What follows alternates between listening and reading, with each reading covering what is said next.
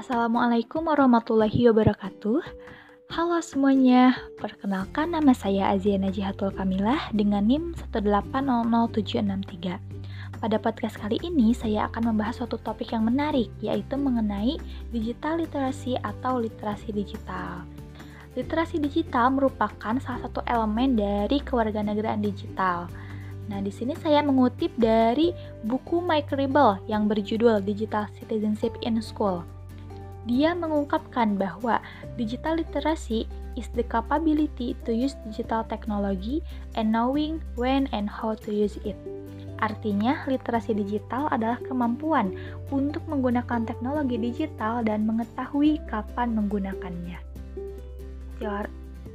Teori literasi digital berawal dari Bowden yang pada tahun 2001 menawarkan pemahaman baru mengenai literasi digital yang berakar pada literasi komputer dan literasi informasi. Menurut Bowden, literasi digital lebih banyak dikaitkan dengan keterampilan teknis mengakses, merangkai, memahami, dan menyebarluaskan informasi. Adapun menurut Paul Gilster pada tahun 1997, literasi digital diartikan sebagai kemampuan untuk memahami dan menggunakan informasi dalam berbagai bentuk dari berbagai sumber yang sangat luas yang diakses melalui perantara komputer.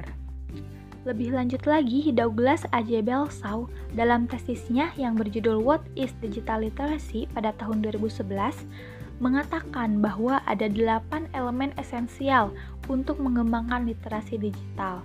Yang pertama ada kultural atau kebudayaan, yaitu suatu pemahaman ragam konteks budaya pengguna dunia digital. Yang kedua ada kognitif, yaitu daya pikir dalam menilai konten, yang ketiga ada konstruktif, yaitu reka cipta sesuatu yang ahli dan aktual. Yang keempat ada komunikatif, yaitu memahami kinerja jejaring dan komunikasi di dunia digital. Kelima ada kepercayaan diri yang bertanggung jawab. Enam ada kreatif, yaitu melakukan hal baru dengan cara yang baru. Ketujuh ada kritis dalam menyikapi konten dan terakhir ada bertanggung jawab secara sosial. Konsep literasi digital sejalan dengan terminologi yang dikembangkan oleh UNESCO pada tahun 2011. Menurut UNESCO, literasi digital merupakan kecakapan atau life skills yang tidak hanya melibatkan kemampuan menggunakan perangkat teknologi informasi dan komunikasi saja, tetapi juga kemampuan bersosialisasi, kemampuan dalam pembelajaran, dan memiliki sikap berpikir kritis, kreatif, serta inspiratif sebagai kompetensi digital. Contoh penerapan literasi digital sering kali kita jumpai dalam pembelajaran online, di mana para siswa itu menggunakan aplikasi atau web tertentu untuk mengumpulkan tugas sekolah atau untuk mencari bahan ajar dari sumber internet. Selanjutnya terkait isu permasalahan yang sering kali muncul berkaitan dengan literasi digital adalah maraknya serangan phishing atau penipuan. Phishing atau penipuan adalah kejahatan dunia maya di mana pengguna diperdaya sehingga dia membagikan informasi atau data pribadinya seperti kata sandi m-banking, data KTP, dan memberikan akses tersebut kepada peretas tanpa disadari. Contohnya, penipuan melalui telepon di mana sering kali pelaku itu menyamar sebagai perwakilan dari suatu brand besar di Indonesia yang menginfokan bahwa kita mendapatkan undian berupa uang tunai atau mobil yang kemudian kita dimintai data pribadi seperti nomor rekening, nomor KTP, alamat lengkap, dan lain-lain. Dampak jika kita terkena phishing, maka kita akan mengalami kerugian karena dikhawatirkan informasi data pribadi yang kita berikan kepada peretas tersebut digunakan untuk hal-hal yang tidak baik, misalnya untuk daftar pinjaman online, untuk menarik saldo rekening kita, ataupun untuk kejahatan-kejahatan lainnya.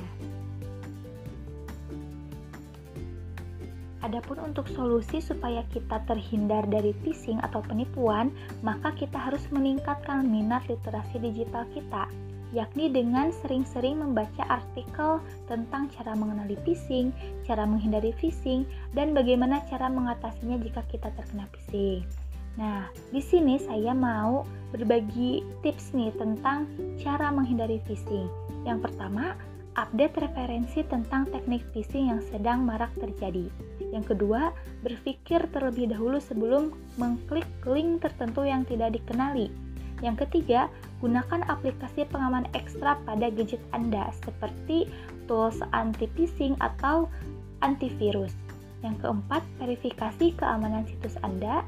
Yang kelima, periksa akun online Anda secara teratur, misalnya dengan mengganti password secara berkala. Dan yang terakhir, waspada terhadap permintaan data.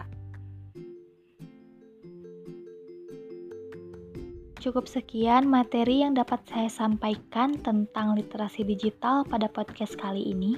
Semoga materi ini dapat bermanfaat. Terima kasih. Wassalamualaikum warahmatullahi wabarakatuh.